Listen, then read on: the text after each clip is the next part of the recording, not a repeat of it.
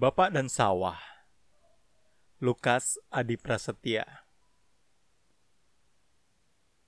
Ayo, kita ke sawah. Mumpung masih pagi, melihat padi nan hijau, melihat padi menguning, melihat Pak Tani berpeluh, melihat saluran-saluran air. Ayo, kita ke sawah, Nak. Ini termos isi teh panas dan roti. Bekal kita. Cepatlah mandi.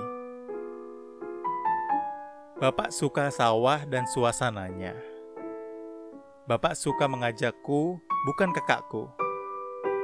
Kamu yang paling suka sawah, kata bapak, sambil menepuk-nepuk pundakku. Bapak kadang terlalu lama di sawah. Sekalian survei lapangan katanya. Tapi aku tak pernah keberatan. Karena tas bekal penuh terisi. Betapa asiknya. Dolan dari pagi sampai sore, sawah seluas ini kupikir juga punya bapak, atau mungkin milik temannya yang petani. Kalau aku capek dan mulai mengantuk, bapak menggendong. Langkah kakinya selalu hati-hati, menyusuri pematang, melintasi semak dan bebatuan. Tubuh yang kurus ceking tapi perkasa di sini mungkin ada ular, kata bapak. Tapi kalau ketemu, jangan diburu, jangan dibunuh. Mana ular? Mana ular? Seruku gembira.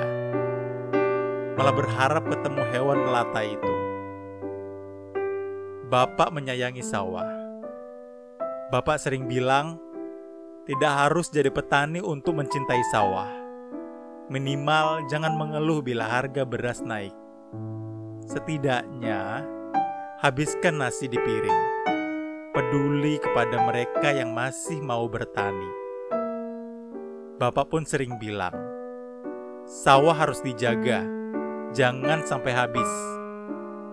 Dan pastilah Bapak akan berkata itu-itu lagi. Juga sekian puluh tahun sesudahnya meski hanya bisa menuju ke sawah tanpa bersuara.